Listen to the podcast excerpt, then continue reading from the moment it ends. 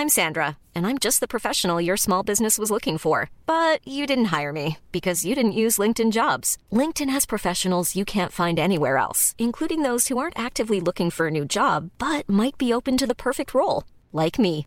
In a given month, over 70% of LinkedIn users don't visit other leading job sites. So if you're not looking on LinkedIn, you'll miss out on great candidates like Sandra. Start hiring professionals like a professional. Post your free job on linkedin.com/people today. Den där... Den här bruden som du håller på med. Eller ni ska inte Prata inte för mycket nu. Det här är en podd. Mm. Ja. Kan vi klippa tillbaka? Ja, får klippa i början. Nöden har ingen lag. Avbryt inte. Välkomna till ett nytt avsnitt av podcasten Cyril och Stig i otakt med samtiden. Podcasten produceras av Storyhood. Dagens gäst är tidningsdrottningen Amelia Adamo. Adamo har en bakgrund på tidningar som Aftonbladet och Veckorevyn. Hon har med magasin som Amelia, Tara och M-magasin blivit en av landets absolut mest välkända publicister. Hon har två gånger mottagit Stora Journalistpriset och utsetts till årets chef och med stor framgång gett råg i ryggen åt flera generationer av svenska kvinnor. Nu är hon aktuell med boken Kvinnoarvet där hon i tio kapitel delar med sig av sina livserfarenheter. Okej, idag Ja. sitter vi här med Amelia Adamo på Piratförlaget på Östermalm. Ja, det är trevligt att se dig så här. Ja, och Ja. jag känner mig lite ärad. Jaså? Eh, måste jag säga. Därför att mina Stig Larsson har man ju följt. Och eh, du tillhör ju den högre kultursfären. Och, eh, och då blir man alltid lite impad. Jag var lite så här starstruck av eh, Stig. Ja. Ja, starstruck av dig. Nej, men det var så här att jag minns så väl första gången vi träffades. Det var Stigs val faktiskt. Ja. Jo, men alltså jag tyckte att du var så fruktansvärt charmig. Men gud, vilken sexig kvinna. Och hur länge sedan var det här? var ganska länge sedan. Ja, så då var- jag väl, ja, men se att det här var 15 år sedan. ja, jag skulle säga 20. 20 20 kanske. skulle jag nog säga. Ja. Eh, ja men vad bra. Och nu idag då? Jag är 73. Ja, fortfarande. Det är en tillgång. Ja, absolut. Bra, tack. Och, och jag tycker att det är väldigt, det har ju hänt någonting väldigt, eh, kan man säga ganska dramatiskt i Sverige när det gäller äldre kvinnor. Alltså tidigare när man åkte tåg så märkte man ju tydligt alltså vilken skillnad det var i Italien och Frankrike och eh, i Sverige. Va? Eh, Kvinnor efter de hade fått barn så de bara liksom föll ihop. Va? Ja, det var samma sak i Italien också. Nej, oj alltså. Nej, alltså, jag- nej, Verona, sitt i Verona. Åh, Det finns en annan. Eh, först och främst skulle jag säga att det är en klassfråga lite grann. Äldre överklassdamer har oftast varit både magra och tjusiga. Och samma sak är lite grann i Italien att det är eh, att man håller sig man håller sig fortsatt snygg när man blir äldre om man har varit det när man har varit yngre. Och varit lite elegant och haft lite råd att köpa lite snyggare kläder. Behåller man den stilen. Men du skriver själv i boken att, att du började tänka på ditt utseende först när du ungefär fyller 50. Ja, att behålla utseendet. att behålla ja. Jag hade inte tid. Före 50 så tänkte jag mer på att tjäna pengar.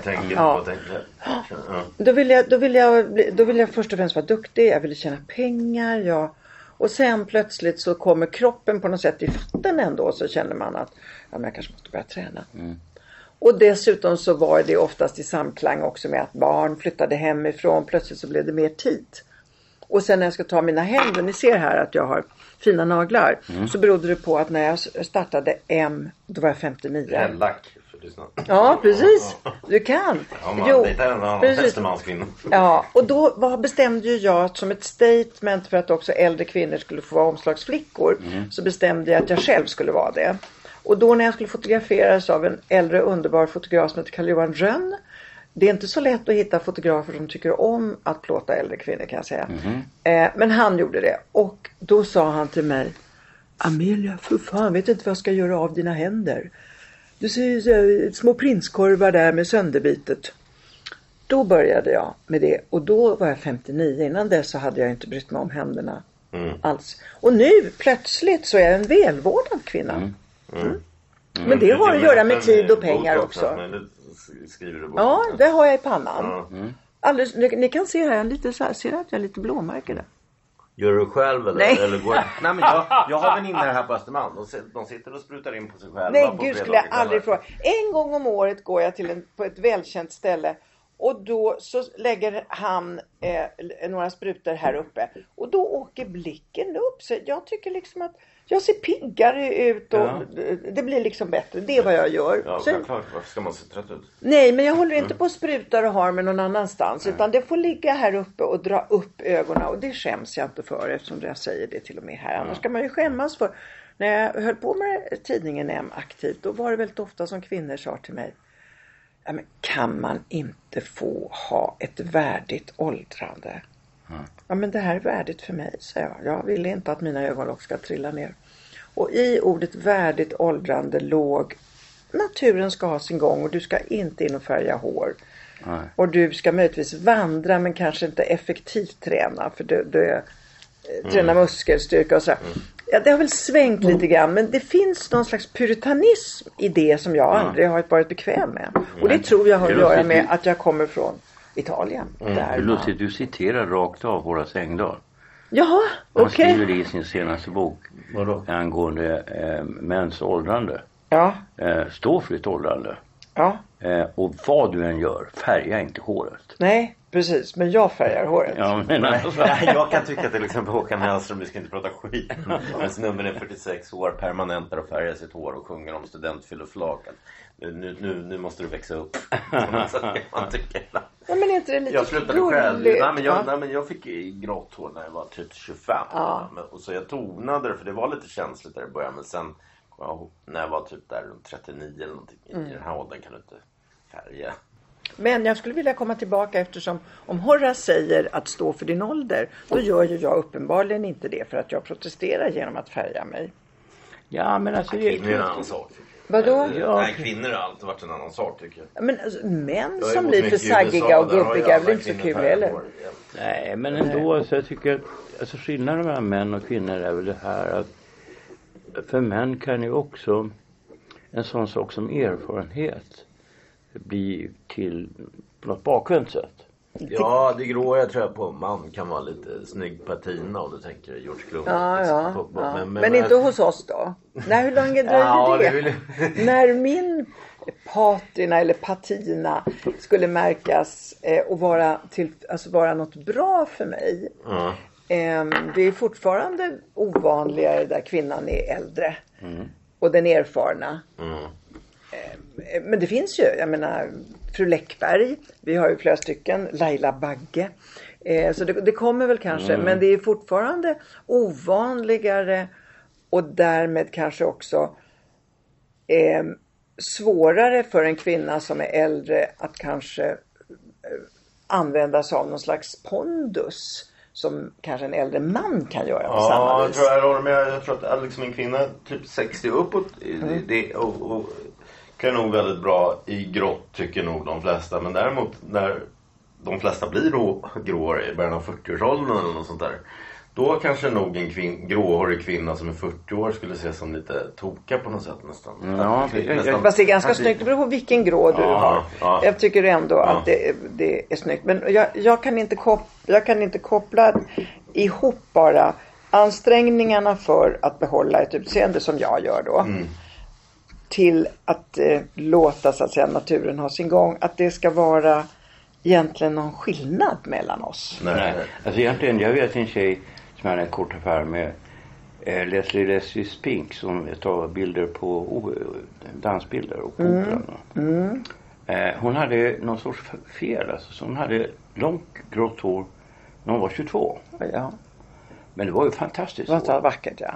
ja. Sen, sen, sen, alltså det är ju faktiskt också tvärtom. Att man, det är ju en debatt till och med i tidningar om att de här arga, bittra Sverigedemokratmännen är ju oftast eh, män, kanske utanför storstäder, som inte tar hand om sin kropp eh, och eh, sitter och, och blir bortsorterade på, på Tinder. De får inte en enda dejt när de sitter och bläddrar. Som, som, är, som står för det här näthatet. Det finns ju teori, till och med universitetsteori tror jag om det. Men det är klart att marginalisering oavsett på vilket sätt det är skapar ju, tror jag, tyvärr en jävla massa hat. Ja, jag visst gör det det. Och ibland så, ibland kan man nästan förstå det. Mm. Det, det är hemskt. Jag, Fast jag tycker att eh, jag är ändå väldigt förvånad över, jag har ju råkat ut för näthat vilket Aha. jag aldrig förut för jag har tillhört de här som folk i regel inte Ja. kan stöta sig så Nej, mycket på. Jag är inte särskilt alltså, jag, är inte, jag är inte särskilt kontroversiell. Jag är inte och så plötsligt så säger jag saker då som eh, uppenbarligen eh, folk inte tycker. Och då när jag läser kommentarerna så att undrar jag, men var kommer all denna ilska ifrån? Vad, detta raseri som droppar in i eh, kommentarerna på nätet. Eh, Jag vet inte om ni har sett dem, men det är ingen, det är ingen ända på hur de uttrycker sig. Och jag blir alldeles förbluffad för jag har aldrig upplevt att det ska finnas så mycket hat som gror. Det kan ju inte vara Sverigedemokrater allihopa. nej. Nej, Men så- absolut inte. Nej, det finns Nej. ju mörker hos alla Men så människor. Ja, nej, förfärligt! så- och sen är de kanske lite halvfulla på kvällen, inte vet jag. Ja. Och sen är de anonyma. Mm. Och det är så skjuter de iväg. Ja, Som Stig säger där, det är mycket avundsjuka. Ja, och det är ju en synd, synd enligt Bibeln. liksom. Ja, det är väl så. Det är ju det är faktiskt så att det Är inte du avundsjuk? Ser du? Nej, inte så mycket. Aldrig? Nej, nej. De, jag, alltså jag kan... eh, ja, möjligtvis de jag sett på som mina fiender. Om de får en dålig recension och sådär kan jag bli lite skadeglad. Skadeglad. Men jag har inte varit avundsjuk på dem. Och de Nej. som jag ser som att jag konkurrerar med tjänar och säljer bättre än mig. Det är ju människor jag tycker om. Mm. Så eh, jag har ribban på de, de jag ska tävla mot är mina vänner. Ja, det blir så. Det är ju samma sak för mig. Jag har ju varit faktiskt vid två tillfällen har jag känt. Eh, för jag har alltid haft sånt, sånt groteskt självförtroende som inte alls har haft någon som helst paritet med verkligheten. Eh, men jag vet första gången som jag upplevde riktig ilska det var när jag såg Robert De Niro och Liza Minnelli i New York, New York. Och han går fram till henne. Eh, Det, det är fred och det är dans. Och han säger, frågar om hon ska danska. Och hon säger no. Och då går han tillbaka. Han går en gång till och säger But God said no! Och tänker, han är helt galen va? Han går en tredje gång. Hon säger Jesus Christ, I said no! Och sen efter ett tag går han en fjärde gång. Och du vet, det hade jag ju aldrig kirrat. Och jag gick ut från biografen och sparkade till en sten minns jag. Och tänkte, vad fan är jag så arg för? Jo, hade jag varit Gud och hade haft en tjej framför mig och jag skulle säga Vem ska du välja? Robert De Niro eller Stig Larsson? Då ska jag säga Robert De Niro. Och då blev jag så sned, vet du vad jag gjorde? Nästa dag skrev jag första kapitlet i nyår. Din eh, ja, andra roman. Andra. Men vad var jag skulle säga i, i, i din bok så är ju din och du pratade förut, jag tänkte inte på utseende så mycket för min drivkraft var pengar. Pengar, mm. Och, och, och, och, framgång och så. Men, men eh, det, och det går ju spåra här tillbaka. Vilken förort växer upp förresten? Solberg heter han. Solberg. Solberg, Det är söderförort. Bromma va? Nej, Nej. Bromma. Nej, nej, ligger vid Västberga. Älvsjö. Ja, det hållet. Okej. Eh, En närförort idag Ja. skulle jag säga. Med ganska Ja, hyggliga ja. kvadratmeterpriser. ja. Men inte då. Idag ja, Ja, precis. precis. Hipster, nya. Ja. Eh, men, men eh, du har ju revanschlusta där från barndomen, märker man. Fast det känns inte som att, att det är din drivkraft tills förrän du är kanske 25 år eller någonting. När du börjar jobba på Svensk Damtidning och, och sådär. Det är då. Det börjar. Ja, Ja. men det är klart i början. I början ville jag ju mest ha roligt. Ja, Eh, och trodde, till skillnad mot Stigs utomordentliga självförtroende, så hade jag inget. Jag hade en ganska god självkänsla. Jag var en, en, en, en glad flicka som tog mig fram. Men jag hade absolut inget självförtroende för vad jag kunde prestera. Och sen var det ju också så att jag är uppvuxen i en sån miljö där de tyckte jag skulle sluta skolan efter nian. Det fanns ingen uppmuntran, det fanns inga böcker hemma. Eh, det var en typisk invandrarfamilj där tidningen eh, Metallarbetaren var det enda som de slängde efter en vecka. Typ om inte det användes i kattlådan. Så, eh, och, så att jag hade inga Fanns ingen referenser. morgontidning, alltså. Nej, nej, nej. Fanns ingenting. Så jag hade inga, inga referenser till ett annat liv. Jag tittade hur de var ungefär på, på gården och det fanns inte så mycket. Och, och då, vill, då var jag mera intresserad av att kanske bli lite eller inte alls lite. Jag var intresserad av att bli svensk för jag hade en uppfattning om att det var betydligt mer framgångsrikt än att Mm. vara spaghetti som vi var då. Ja, det skulle Men- också ganska rörande det här med sommarstuga Ja, just det, precis. Men, men sen så när jag, en dörr öppnades för mig via en kille på Östermalm. Då är jag art- 19 år tror jag, 18-19 år. Och han visar mig en annan värld. Då börjar lusten till att komma in i den här världen. Och det är han som säger till mig Du kan ju för fan inte skriva maskin i hela ditt liv. Nu får du börja. Och då börjar jag på komvux. Och så läser jag på komvux på kvällarna. Och det är ju ofta så som jag tror att det är. Om du har en väldigt platt horisont, du inte ser så mycket mer än runt omkring dig.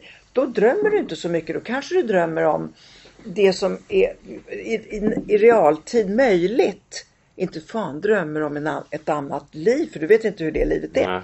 Utan det är ju först när du, man gläntar ja. på dörren och ser det och upptäcker Ja, men den där människan är ju inte särskilt begåvad. Det borde jag ju också kunna. Så blir det. Och så föds längtan till att inte gå tillbaka. Att inte vara en del av den här förorten. Och sen vet jag inte riktigt om det är revansch. För att revansch på mig låter som om man om, som om man är förorättad. Ja, Ja, ja. lite. Och så var det inte för mig. Det var inte revansch. Min mamma som eh, då är ganska eh, mycket med i den här boken. Hon tyckte ju att jag, jag blev för mycket. Nej men ska du bli chef nu igen? Nej men räcker det inte med en tidning Amelia? Ska du göra en till? Och den här anden tredje. Men du är så gammal nu, du är snart pensionär. Ska du verkligen jobba mer? Så att jag vet inte om det är revansch. Det tror jag inte utan jag tror att det var ett, ett klättrande för det är också så att när du har klättrat till en viss plats då vill du ju inte falla. Då får du ju klamra dig fast på bästa vis Vilket också. jag tror också är orsaken till varför du har varit anställd istället för egen Ja. företagare. Ja, det är mycket tryggare. Så att jag vet inte om det är revansch. Man säger oftast att det är revansch när man har kommit från små förhållanden. Men jag vet inte vad jag ska ta revansch på. Jag har inte känt att det är någon som har varit så här dum. Nej. Nej. Jag, ska bara, jag bara läsa ett kort stycke Ja. för det är precis det du talar om som, som ni hade kryssat för här. Där du skriver så här. Eh, så lyssnarna också förstår. Eh, jag ville vara med dem som sålde Vietnambulletinen på lördagar och beundrade dem. Det behövde tjejer att komma hem till när de timmar tillsammans med sina liktänkande, alltid män, diskuterat Lenins och Marx teorier. Det var häftiga, intelligenta killar och jag lärde mig mycket och njöt av att vara en äkta arbetare i deras vänstervärld. Jag var dessutom inte klädd som, en, som de rättänkande tjejerna. Jag hade volanger och läppstift. Jag var då en relativt politisk oskuld, men som kvinna visste jag hur jag skulle ta mig fram. Någon aktiv kvinnokämpe var jag definitivt inte. Genus var kön och inget annat för mig. Sen skriver du några sidor längre fram hur du Hur jag förändras. Du förändras och men det var, fram kvinnor. Ja, just det. Då var det inte, då, då tänkte jag inte så. Jag menar grupp 8 fanns ju då. Och eh, jag tyckte det var fantastiskt det här med dagis. Men jag kunde inte identifiera mig med dem. Jag kunde inte det utan och sen tror jag också att när man kommer in i en miljö där ingen är arbetare Nej. och de har sådana romantiserade bilder om arbetarna. Då är det svårt jo, att jag, köpa jag det. tillhörde också vänstern och kom från arbetarklassen. Mm. Och det gjorde ju också, jag blev också väldigt störd ur det. Och det gjorde att jag drevs ju ännu längre vänsterut. Mm. Jag drevs ju till ärarna ända fram till mars 73. När jag insåg att det inte skulle bli någon revolution. Nej. Då sa jag, kamrater, nu lämnar jag er. Jaha. Vad är det Va? då då Stig? Ja, Var, var, var någonstans? höger, på- vänster. Alltså, ja. jag är konservativ. Eh, säger jag, är, jag är emot eh, utsugning av Mm. fattiga. Du vet, Ja, jag bor på Lilla ja. Essingen och ser de gamla släpa sig fram med rullatorer till, de har inte råd att handla på ICA. Va? Eh, det, det är för jävligt. de har byggt upp landet. Va? Och de, de lider ju. Va? Medan däremot, eh, har så jag har min solidaritet på något sätt hos arbetarklassen. Ja, ja. Mm. Men jag, däremot så är jag väldigt, väldigt konservativ.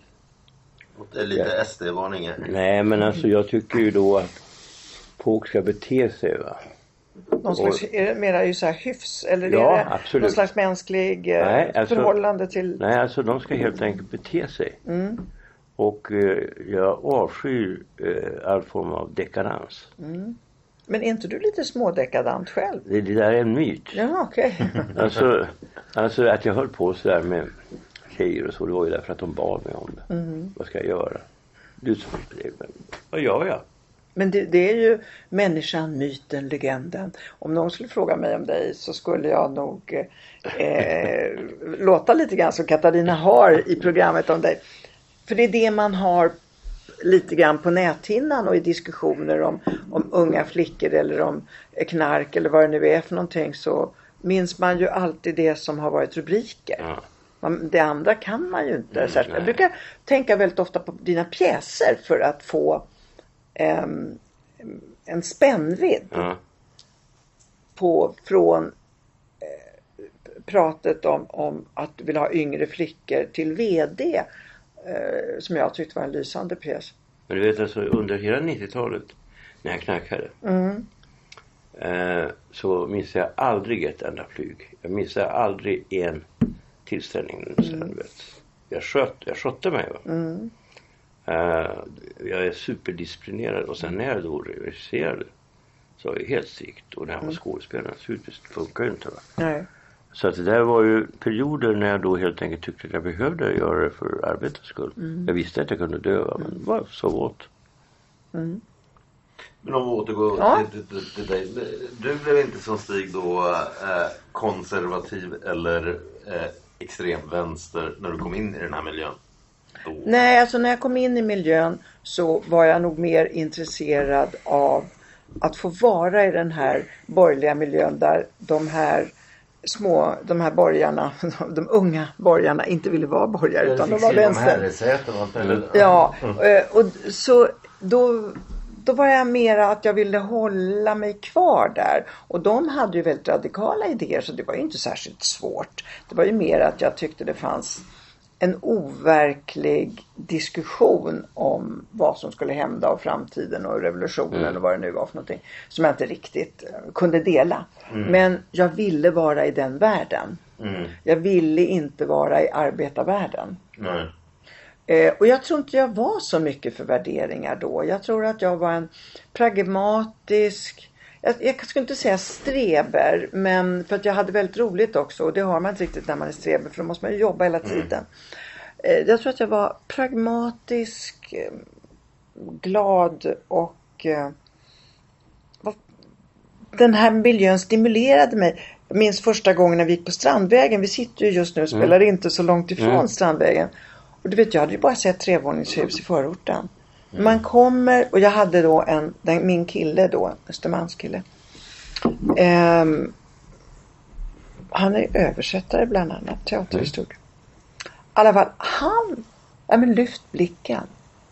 Och jag tittade upp och såg stuckatur. Jag hade aldrig sett det. Mhm. Eh, där ville jag vara. Och en längtan att få ha råd att vara i en sån vacker miljö. Så att jag tror inte att det var så mycket att politiken på något sätt höll mig där. Inte alls. Utan jag tror nog att det var att jag var en riktig materialist. Men sen beskriver du eh, väldigt eh, och uppfriskande tycker jag. För att, för att jag, jag har ju ibland spökskrivit åt eh, världsberömda företagsledare. Liksom, men, men ingen utav dem har sagt att de är en maktmänniska. Utan det här är första gången jag läser. Ja. Du skriver pengar och maktmänniska. Och Ja. hur du och Torbjörn Larsson blir ett maktpar. Och makt, Ja. makt. Att, att det, det är ett självändamål du, skri, du står för. Ja, därför att vi, det är också så att när man går in i ett företag som är kris, som Aftonbladet var då, när jag kom dit 84 och Torbjörn och Gary var det då som var radarparet Gary Engman. Eh, då var det ju röda siffror. Allting var kris. Expressen var jättestor och mallig och proppmätt. Och Aftonbladet var LO-ägt då. Och väldigt politiserat. Då ehm, måste man ha makt för att förändra. Det går inte annars. Du får inte igenom någonting i sådana strukturer. Och då var det ju faktiskt som jag skriver i boken också, den som först fick mig att fatta det var ju Åsa Moberg. Mhm. Och det berodde ju på att Åsa och jag blev vänner för att jag var på Veckorevyn innan. Och vi behövde en sex och samlevnadsskribent. Och då hade jag precis läst Åsas bok hur hon blev av med sin oskuld på språkresa i England. Och då så tyckte jag att hennes sätt att skriva osentimentalt men väldigt närvarande var perfekt. Så då frågade jag henne eh, om hon kunde tänka sig och hon var sådär Va? Jag har ju bara legat med två. eh, ja men sa jag du, du är ju Harry journalist. du, ja, eh, du är journalist sa jag. Det är ju eh, det är bara att läsa på. Ja. Och så blev det. Hon fick en slant, gick ut till Rönnells antikvariat och köpte Haidt-rapporter eller vad det hette på den tiden. Ja. Kinsey var det då. Kinsey. Kinsey-rapporter. Och hon blev strålande. Ja. Ja. Eh, och när jag fick erbjudandet om Aftonbladet då så bestämde jag att jag skulle hälsa på Åsa. Och hon gnuggade mig då i maktens anatomi. Och det var då jag förstod att du kan inte själv, du måste li- lita till dem ovanpå, inte dem under. Mm. Du måste ha ett handtag ovanför och alla förändringar kommer att motarbetas. Då måste man ha makt. Så makten för att realisera det man vill göra är nödvändig i alla fall i ett krisföretag. Och, även, och det tycker jag är löjligt att inte säga att det är det man använder makt till. Man använder inte makt för att förtrycka. En del kanske gör det men det är inte i mitt fall. I, i mitt fall är det jag använder makt för att få igenom mina idéer.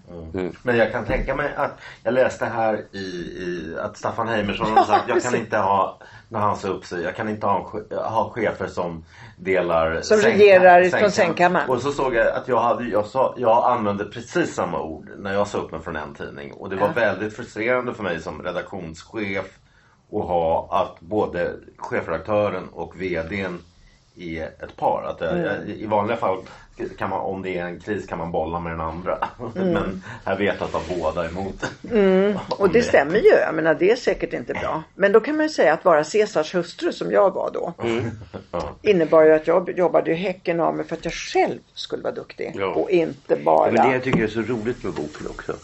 Och som gör att det påminner ju lite grann om den bok som jag tänker ge dig. Som Ja. jag har skrivit Ja. om, om, om knarkaret och kärleken. Ja. Så.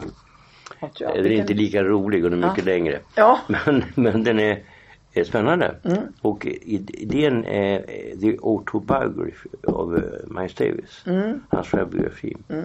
Därför han skiter fullständigt i vad folk tycker. Mm.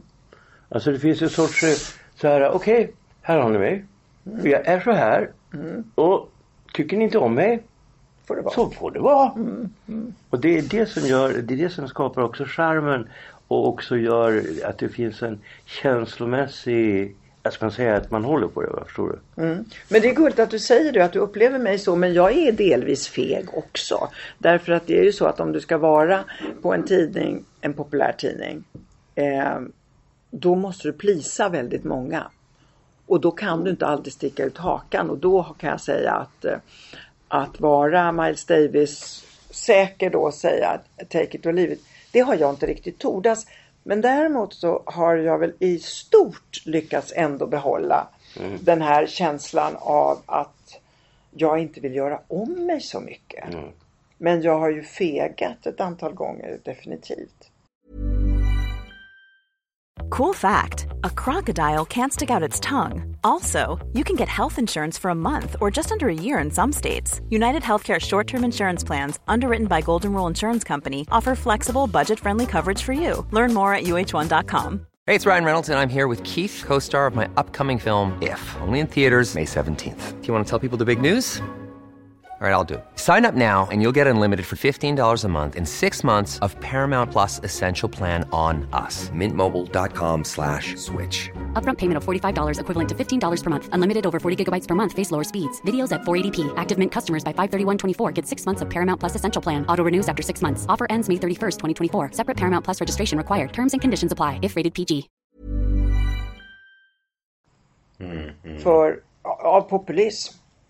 Eh, Jag, jag berättade för en väninna som, som för övrigt har eller hade en, en sexbutik riktad åt kvinnor. Men, men när, när jag sa att du skulle vara med i podden så sa hon ah, det jag tycker är så coolt med henne att hennes tidningar, hon har alltid riktat sig till sin egen målgrupp, vad hon själv vill ha. Att när hon är 40 så gör hon den tidningen, när hon är 50 gör hon den tidningen, när hon är 60 gör hon den tidningen. Som är till sig själv? Är det någon, i, på att det kanske stämmer faktiskt. Är det någon hemlighet bakom dina Jag vet inte om det, det är hemlighet för det är ganska enkelt utan jag tror också att det är att jag, eftersom jag är beteendevetare och inte journalist Ja. så har jag inte drivits av det som många journalister drivs av att man kanske vill förändra världen eller man ska gräva upp eh, saker som eh, ligger under stenar och liknande. Ja. Utan jag har kanske haft en lite mer affärsmässig syn på att både förena att tjejer ska lära sig att pengar är minst lika viktigt som kärlek till att, jag menar, att det ska vara viktigt. Jag har haft jättemycket författare till exempel i,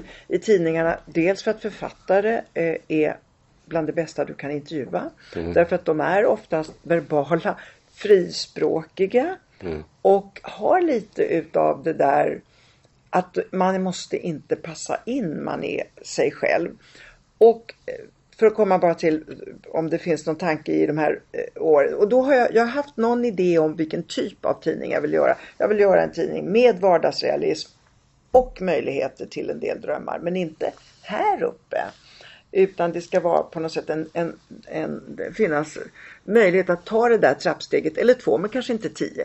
I alla fall så ändras ju det där från det du är ung så blir du kanske en småbarnsmamma. Sen blir du då en eh, 40-åring som plötsligt upptäcker att va? Eh, jag har varit helt instängd med att skjutsa barn hit och dit. Nu ska jag liksom vakna upp. Då är du i den perioden. Och sen kommer du i livsfasen M då. Då är du, barn har flyttat hemifrån, livet blåser dig i nacken och du kanske faktiskt också vill ha ett sexliv. Mm. Fastän du Mm. är äldre. Så jag, jag skulle snarare säga att det är klart att min egen ålder har spelat roll men jag var faktiskt, faktiskt 46 när jag gjorde Amelia. Och 46 var jag då. Ja. Så den har precis fyllt 25 år. Och ehm, jag har räknat rätt då, jag är 73 nu. Den har fyllt 25 år, hur gammal var jag då? Ja, det är huvudräkning. Mm. I alla fall så var jag väl då, kanske 44. Ja, ja jag var något. Jag var 48 måste jag ha varit. 48 måste jag ha Mm. varit. Jag var 48, det vill säga en ganska mogen kvinna när jag gör en tidning för 25-30-åringar. Mm. Så det måste ju inte vara så att de ligger helt i fas med min egen ålder. Utan det är ju också så att jag har tänkt att ja, men när du växer ur Amelia, vilken tidning ska du läsa då? Du kan väl inte gå till smörgåstårtetidningarna, Hemmets Journal året runt Nej. och dem. Det, må- och så var det tomt där. Då fanns det inget. Men det var det som Och jag då kom la vi in Tara där. Och men skillnaden mellan Tara och Amelia är väl ungefär att i den ena är du på väg mot östrogentabletterna och i den andra har du fortfarande mens. Och sen kom Jonas Bonnier och sa till mig. Ja, du kan inte sitta här eh, och, och göra samma sak hela tiden. Du måste väl kanske hitta på något nytt. Då kommer M. Så det är inte så att jag har sett framför mig hur man steg för steg. Utan då när jag gör M. Då upptäcker jag att jag är i en ålder då jag inte riktigt räknas med, inte på arbetsplatsen, inte kanske i kärlekslivet heller. Eh, när jag ska gå och köpa kläder så kan jag inte knäppa byxorna för att vi har blivit lite fyrkantigare här och alla eh, 38 är gjorda efter slimma. Så det finns en väldig massa saker som vi får kanske inte jag hör, nu hörde jag att man får inte hyra husbil efter 60. Va? Ja, nu säger bokmässan att eh, folk över 70 får inte vara med i deras videoinspelningar. fruktansvärt. Det är fruktansvärt. Mm. Så ehm, plötsligt så kommer en massa frågor som hör till åldern och hör till livsstilen i åldern. Och sen kan jag ju se den här trappan. Men från början var den inte medveten. Ja, nej, men- Utan det har också att göra med att jag tror att jag bara kan nästan en sak. Och det göra eh, identifikationstidningar. Jag är inget bra, jag skulle inte vara bra chefredaktör på tidningen Fokus. Nej, men däremot, Eller etc.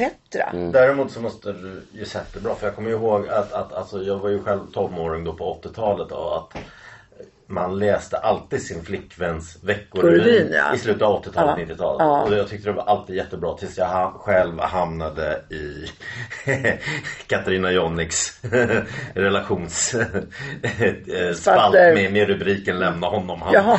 kommer aldrig ändra sig. Nej, det hade hon väl lite rätt i. Men, men, eh, Hon men, jobbade mycket eh, åt Veckorevyn. Tills dess var det kul att läsa den. Men, men sen kommer jag ihåg när jag då själv, jag och Martin Kellerman startade upp hans tidning Rocky. Jaha. Och när jag då, då fick så här mail och sånt där typ från just kvinnor så tänkte jag själv alltid tillbaka att ah, det har blivit som med Veckorevyn att flickvännerna läser sina pojkvänners tidningar. Mm.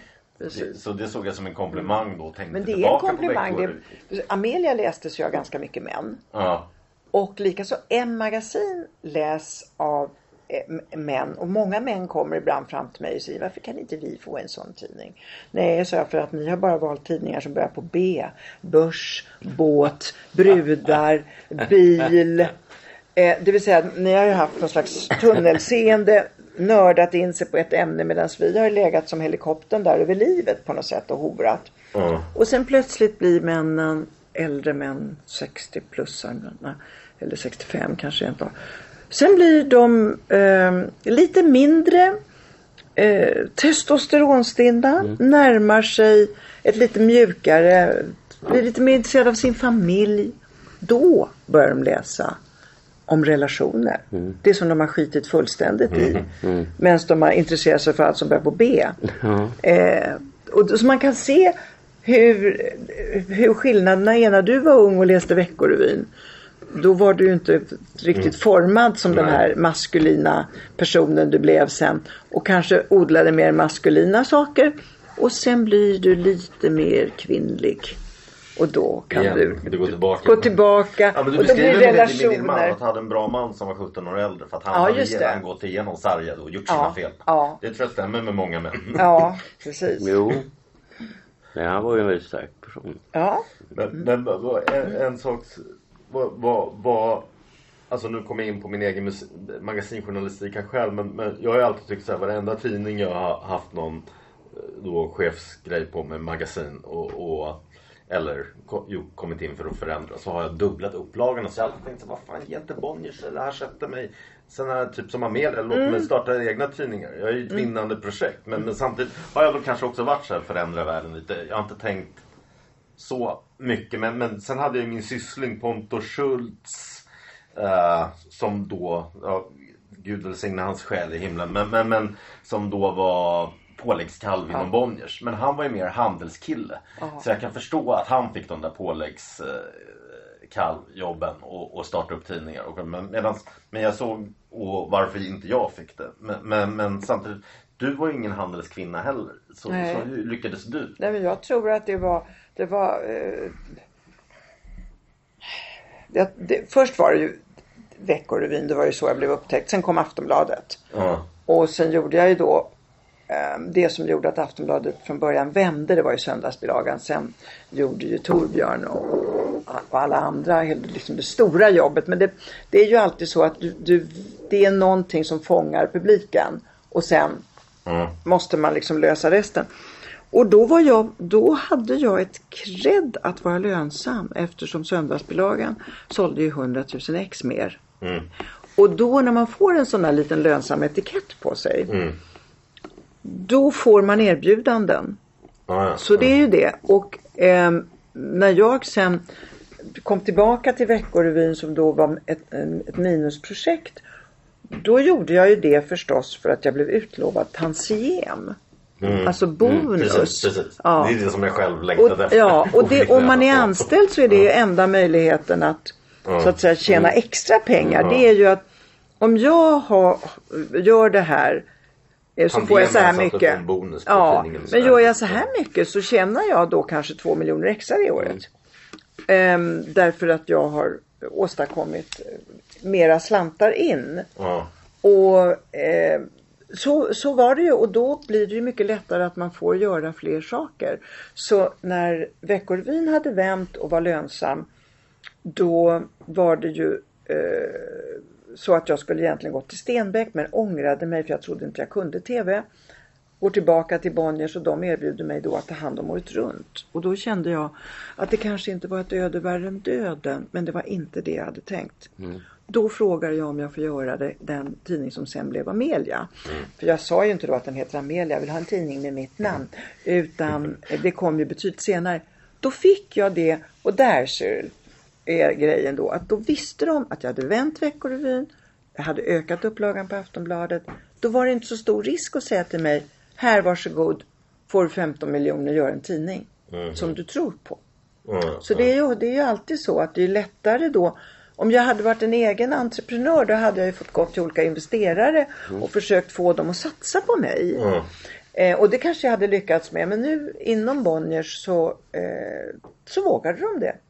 Ja. Det var inte så mycket Excel-ark och räknenissar som sprang fram och tillbaka och som skulle slimma och, och, och, och, och så som det är idag. Jag lämnade ju medan det fortfarande kanske inte var guldålder men i alla Mm, fall silver. mm. Ja, nu är ju inte riktigt. Nej, verkligen. Du nämnde Torbjörn Larsson här precis. Ja. Ja. Det underminerade det du säger. Men, men du- jag tycker att det, det, det är genomgående i boken också att du har skrivit att du har använt det lite av män och liksom på, på alltså på vilket sätt har, de, har du använt det och på vilket sätt har de hjälpt dig? Ja, så jag har ju tyckt att vi har haft någon slags samtycke. Jag vet att jag blev eh, kontaktad under metoo. Mm. För att de ville att jag skulle berätta hur det var på Aftonbladet och så. Och jag kunde inte komma på någonting annat än vi båda ville. Alltså Mm. även kvinnorna, även sommarvikarierna visste ju vad de gav sig in på. Mm. Eh, jag upplevde inte ett förtryck som bestod i att eh, Mm. man måste ligga för att få eh, vara kvar. Jag tyckte inte det. Och, eh, så att jag tycker att med männen har, i mitt liv har det varit så ge och ta eh, på olika vis. Jag var jättebra för Aftonbladet Mm. och eh, Torbjörn var utmärkt för mig. Mm. Eh, innan dess var jag inte, var det inget sånt eftersom då var jag ju nobody. Mm. Eh, och sen så har jag ju så har jag ju tyckt nog att sen har jag haft eget cred för att luta mig mot män. Men jag har varit, jag brukar säga att jag är en kompromissfeminist. Jag har ju varit den som har velat gå armkrok med män. Jag tycker det blir roligare då. Mm. Ehm, Fix to dance tango. Ja, men däremot så är jag ju inte dum i huvudet. Jag kan ju se hur bastuklubbarna väljer varandra. Jag kan ju se de här manliga strukturerna. Jag kan ju se alla de här sakerna. Sen är det ju frågan om hur gör man då när man ser det här och man vill förändra? Mm. Där är ju metoderna olika. Och då har väl min metod eh, inte varit särskilt renlärig. Det kan man väl säga. Hur Men, hur då? nej men därför att om man nu tycker att eh, eh, makten, den här manliga makten ska bekämpas så har ju jag använt mig av den manliga makten kan man säga på mitt sätt för att få igenom det jag vill. Och min, Mm. Om det viktiga för mig har varit att ha de här tidningarna för att via de här tidningarna ändå få ut ett budskap som stärker kvinnorna. Mm. Då kan jag vara väldigt beredd att kompromissa. Mm. Ehm, men jag har aldrig under den här perioden känt att jag har varit förtryckt eller utnyttjad. Jag Mm. har tyckt att jag har utnyttjat dem lika mycket. Så eh, jag ser ju ändå hur, jag menar jag inte, man, man, man ser ju när kvinnor blir utnyttjade. Det är inte så att jag går omkring och blundar och Nej. inte tror att det sker. Eh, men min, det har, jag har inte drabbats av det eller så har jag inte märkt det. Eller så har jag gett dem en pungspark. Det, det som, där också är lite nästan för finkänslig boken tror jag. Som, som, eh, jag tror att du också har lyft fram andra kvinnor för att jag tänker på namn du droppas här i boken. Gun, Aftonbladet och Brandt, eh, Victorin. Jag har ju fakt- det, det handlar ju såklart om att jag har jobbat på fältet men det är Mm. nästan folk jag har haft bättre koll på än vad jag har haft på dig. Mm. För att de, och det är ju då kvinnor som du har lyft fram och där Mm. ni har hjälpt varandra. Om jag Jag skulle, ja men det måste man ju säga så att jag har sett dem. Jag har varit bra på att se folk som sen har blivit oerhört värdefulla medarbetare. Men det är ändå jag som har styrt får man väl säga. Eh, och ehm, och då, jag vet inte om de har känt sig utnyttjade. De har inte sagt det i alla fall. Ja. Men självklart är det jag som har haft den slutliga makten. Mm. Mm. Men jag är ingen förtryckarsort till min Jag menar natur. alltså att, att ta makt är ju något som också innebär väldigt mycket ansvar. Mm. Och, och det ska inte jag förneka, det innebär väldigt mycket lust också. Mm. Men det innebär ju samtidigt att allting, varenda liten jävla grej om du jobbar som regissör va. Mm. Ska du ha den koftan eller den koftan? Gör du fel Så gör får du fel. hela skiten när det går dåligt. Ja. När det blir en dålig... Ja, Ja, ja, precis. precis. Det är jag. Jag som får ta allting va. Ja. Och då ska ingen komma och jävla bråka med mig. Nej, nej. Du vet, och det är ju något som är fascinerande Eh, och därför, alltså jag var medveten om det där redan som regiassistent. Att jag inte fick ta med mig det där hem. Va? Kunde För- du ju strunta i det? Ja, för att jag märkte att jag blev obehaglig. Mm. Eh, jag kunde ju säga till folk på restaurang, kan du ge mig den där svartpeppar? Mm. Jag gjorde ju det på en gång. Mm. Eftersom jag sa ju till statister, gå dit, gå Mm. dit. Eh, alla gjorde ju som jag sa. Och då tänkte jag, men fan en sån här människa vill jag inte bli. Va? Nej. Men det där är ju, jag brukar alltid försvara Bergman och Widerberg med att det var hårdare på den tiden va. Och de var tvungna att bli riktigt jävla elaka. Va? Tror du det? Ja. Tror du det? För det har jag ibland. Eh, det är geniernas eh, särskilda plats i, i livet är att de både ska vara geniala och dumma. Ofta. Mm. Kan man vara ett geni och vara snäll? Ja, då Ja, jag är snäll. jag. Ja, säger vi? Du, du är geni och snäll. Eh, och, Ja, finns inte penalist i honom då tror jag. Nej, ingen Det finns- penalist. Ja, men däremot, däremot kan jag vara hård. ja, Har du inte en pistol i fickan så är du ingen regissör. nej.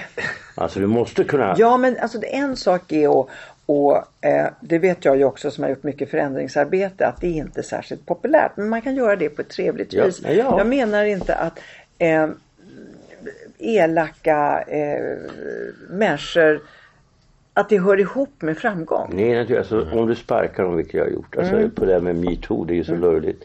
På Dramaten, hur skulle du kunna hålla på och kladda på tjejer där alla ser ju allting va? Mm. Jag Men där jag- uppenbarligen var det ju oerhört många Nej, men som det var... är ren bluff. Jag tror det.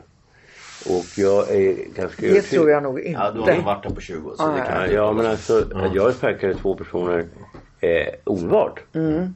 Samma dag. Och det Mm. handlar det också om att göra det snyggt. Va? Ja, men allt handlar inte om vad du vi- gjorde. Det var ju ja, massor med regissörer i huset. Ja. Ja, men alltså, ja, men alltså, det betraktades som fruktansvärt lågt om en regissör hade en relation med en tjej. Mm. Det ansågs, eh, man föraktade sådana Mm. personer. Men det behöver inte vara synonymt heller med, med dåligt uppförande.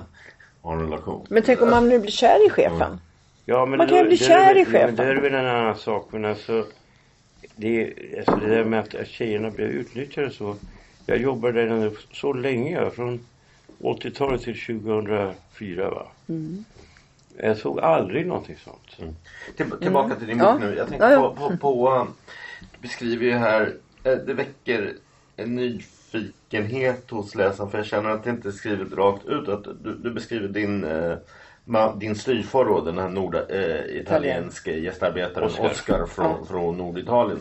I början när man läser så känns det som att du ser din mammas förhållande som ett varnande exempel. Liksom att, att det på, på torftigt torrt förhållande. Liksom hur hon bara, jag hoppas hon Mm. har inte kommit hem från jobbet och skadat sin olycka. Ja. Men sen mot slutet så då, då känns det liksom mer som att han har, har eh, på något sätt behandlat dig väldigt illa också och henne utan att det, det skrivs rakt ut riktigt. Att, att, Nej men han var en riktig, han var en förskräcklig förtryckare. Men det som, som jag beskriver i boken det är ju också hur jag försonas med Och att han också tving, det låter också mellan raderna som att han tvingar bort dig från din mamma.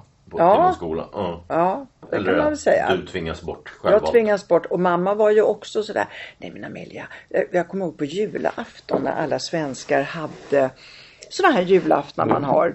Mm. Och då, han ville inte ha hem någon, utan då Mm. kom min moster. Och så var det då när hans föräldrar hade åkt hem tillbaka till Italien och då var det vi fyra. Mm. Och då ville han gå och lägga sig åtta fast det var julafton. Och då kunde mamma istället för att säga nu får du fan skärpa dig Oskar. Nu är det faktiskt julafton. Det var en tvåa och de sov i det rum där tvn stod och julgranen stod. Och sen hade jag då ett eget rum. Och så var det kört. Och eh, utan då var det sådär Ja men du kan gå ut till dina kompisar viskade hon till mig. Ja men det är julafton mamma, ska jag gå ut? Ja men om det är någon ute. Så för henne var det så att det var lugnare och att alltså hon tog aldrig riktigt matchen med honom. Men man då nyckfull och kunde få ut Ja men han var ju väldigt Alltså, lynnig. Ja. Men han var Ja. inte, och han slog, han slog, alltså han slog var sönder saker. Ja. Men det var ing, nej inte alls. Ja, han har inte rört mig. Eh, utan det var, för, det var förbud. Jag fick, man fick inte ta hem någon till exempel. Eller det skulle vara tyst klockan åtta.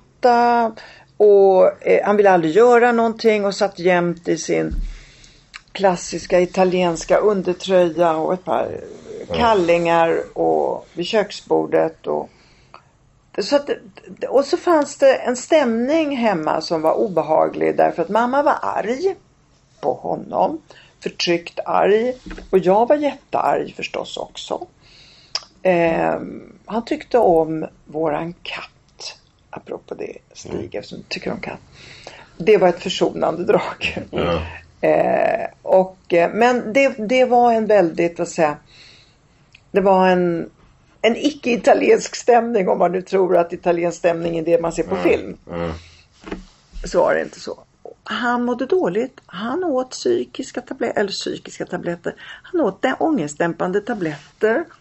Och han avskydde Sverige. Mm. Och svenskar. Och han levde i någon slags kupa av något ha, av hat. Mm. Och väldigt eh, svårt att få honom på gott humör. Och, Mm. Men tror du det kan vara då också att, att du har kört ditt eget race också? Att du inte ville komma i din mammas spår? Att, Absolut, absolut, absolut. Eh, jag blev ju väldigt tidigt, ehm, ehm, vad heter det? Jag trodde ju inte ett ögonblick och, och, och tror fortfarande nästan inte på någon form av romantik. Jag är ju väldigt realistisk även när det gäller eh, sånt. Mm. På gott och ont. Men eh, ja, nej. Lycka var ingenting för morsan. Ja, ja. Eh, Sen en sak till nu. Nu blir det som att jag, att jag borrar mig in i mörkret här vilket inte är min avsikt. Men det här är också personligt för att jag förlorade själv ett eh, barn i sjunde månaden förra året. Mm. Och det var ju Oh. otroligt mörker som Ja. jag kanske nu först ett år efter har kommit eh, ur eller på väg ur. Men, och jag släpper en bok själv om det för hur jag Mm. bearbetar det i julen nu. Mm. Allt går i bitar heter den om vi ska göra reklam för den. Men, men, men i vilket fall, men du beskriver här tror jag sjunde månaden ditt barn också som du Ja. förlorar i Italien. Italien, ja. Och det Mm. berörde mig också när du skriver att den sorgen lämnar en aldrig. Nej. Och jag tänker själv, jag är bara ett år. Men du, jag kan trösta dig med att eh, jag gjorde ju så fort överhuvudtaget gick så kom jag ville bara bli med barn igen. Ja. Det tog tre år men det kom. Två friska ungar.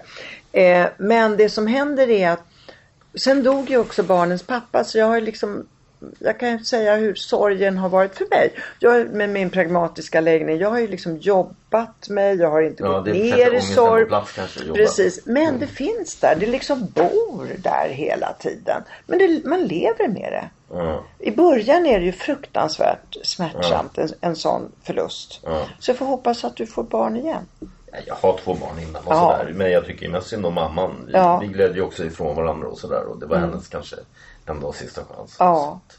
Och det här är ju också så här, alltså, det här är ju för mig. Jag känner hur jag som och man, man pratar alltid i Sverige om jämlikt manligt och kvinnligt men jag förstår ändå att det måste vara ännu värre för mamman som bär. Ja, Men ja man känner ju barnet sparkar och så när Ja. vi var nere i Rom då så sa ju eh, förlossningsläkaren där, ja men det där blir en pojke på två kilo. Jag ringer hem till Lasse som är barnets pappa då.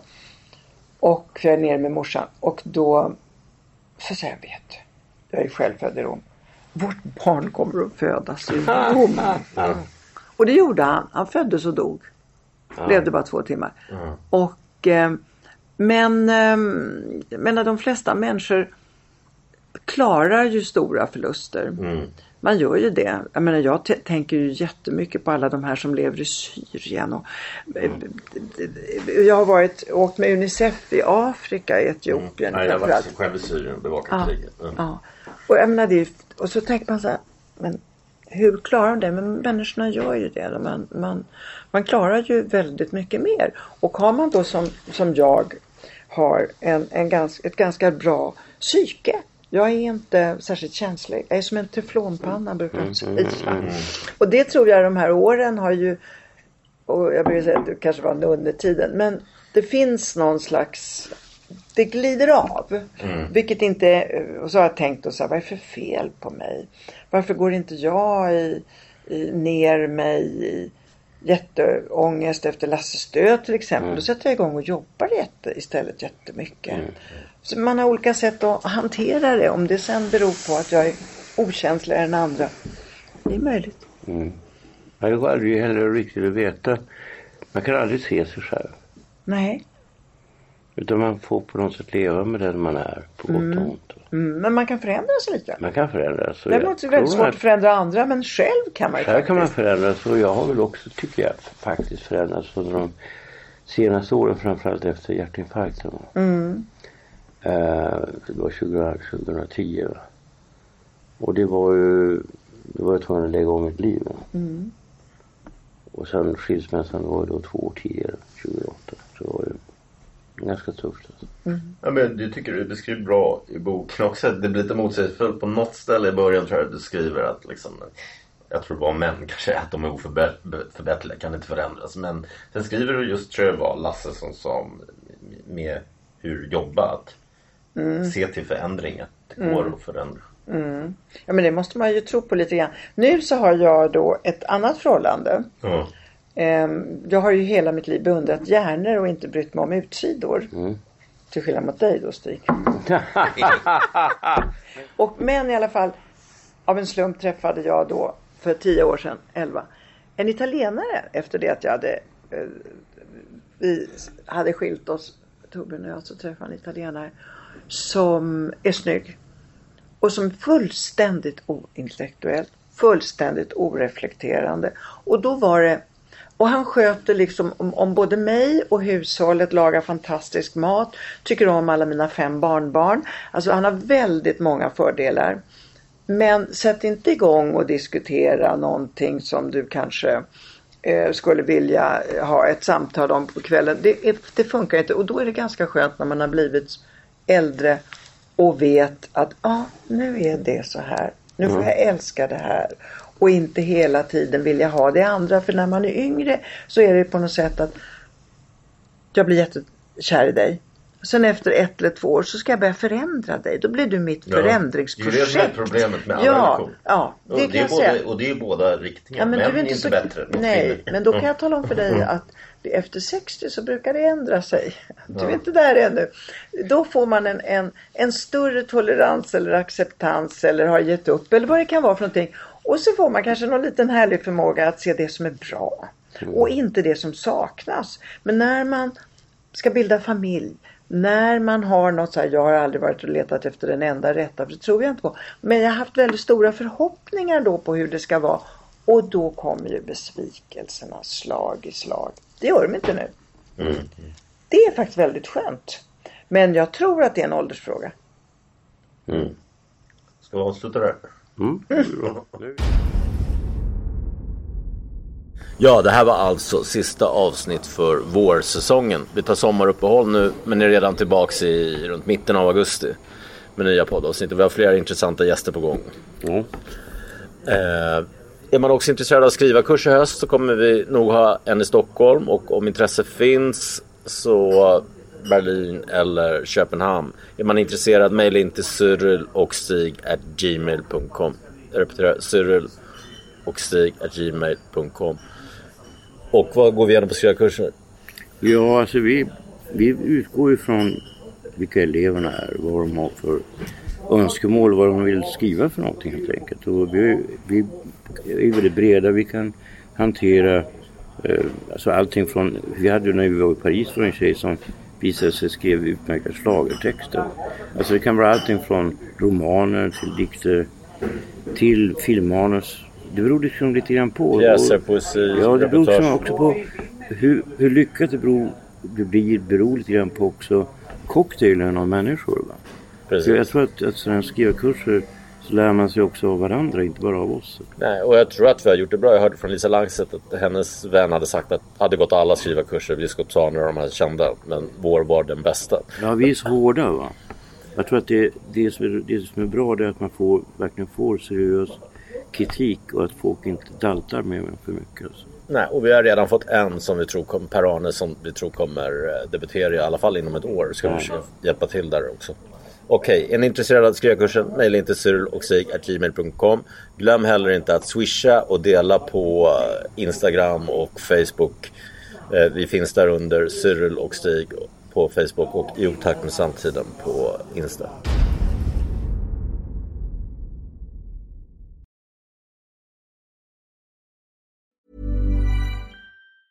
Planning for your next trip? Elevate your travel style with Quince. Quince has all the jet setting essentials you'll want for your next getaway, like European linen, premium luggage options, buttery soft Italian leather bags, and so much more. And is all priced at 50 to 80% less than similar brands. Plus, Quince only works with factories that use safe and ethical manufacturing practices. Pack your bags with high-quality essentials you'll be wearing for vacations to come with Quince. Go to quince.com slash pack for free shipping and 365-day returns. Hey, it's Paige DeSorbo from Giggly Squad. High quality fashion without the price tag. Say hello to Quince.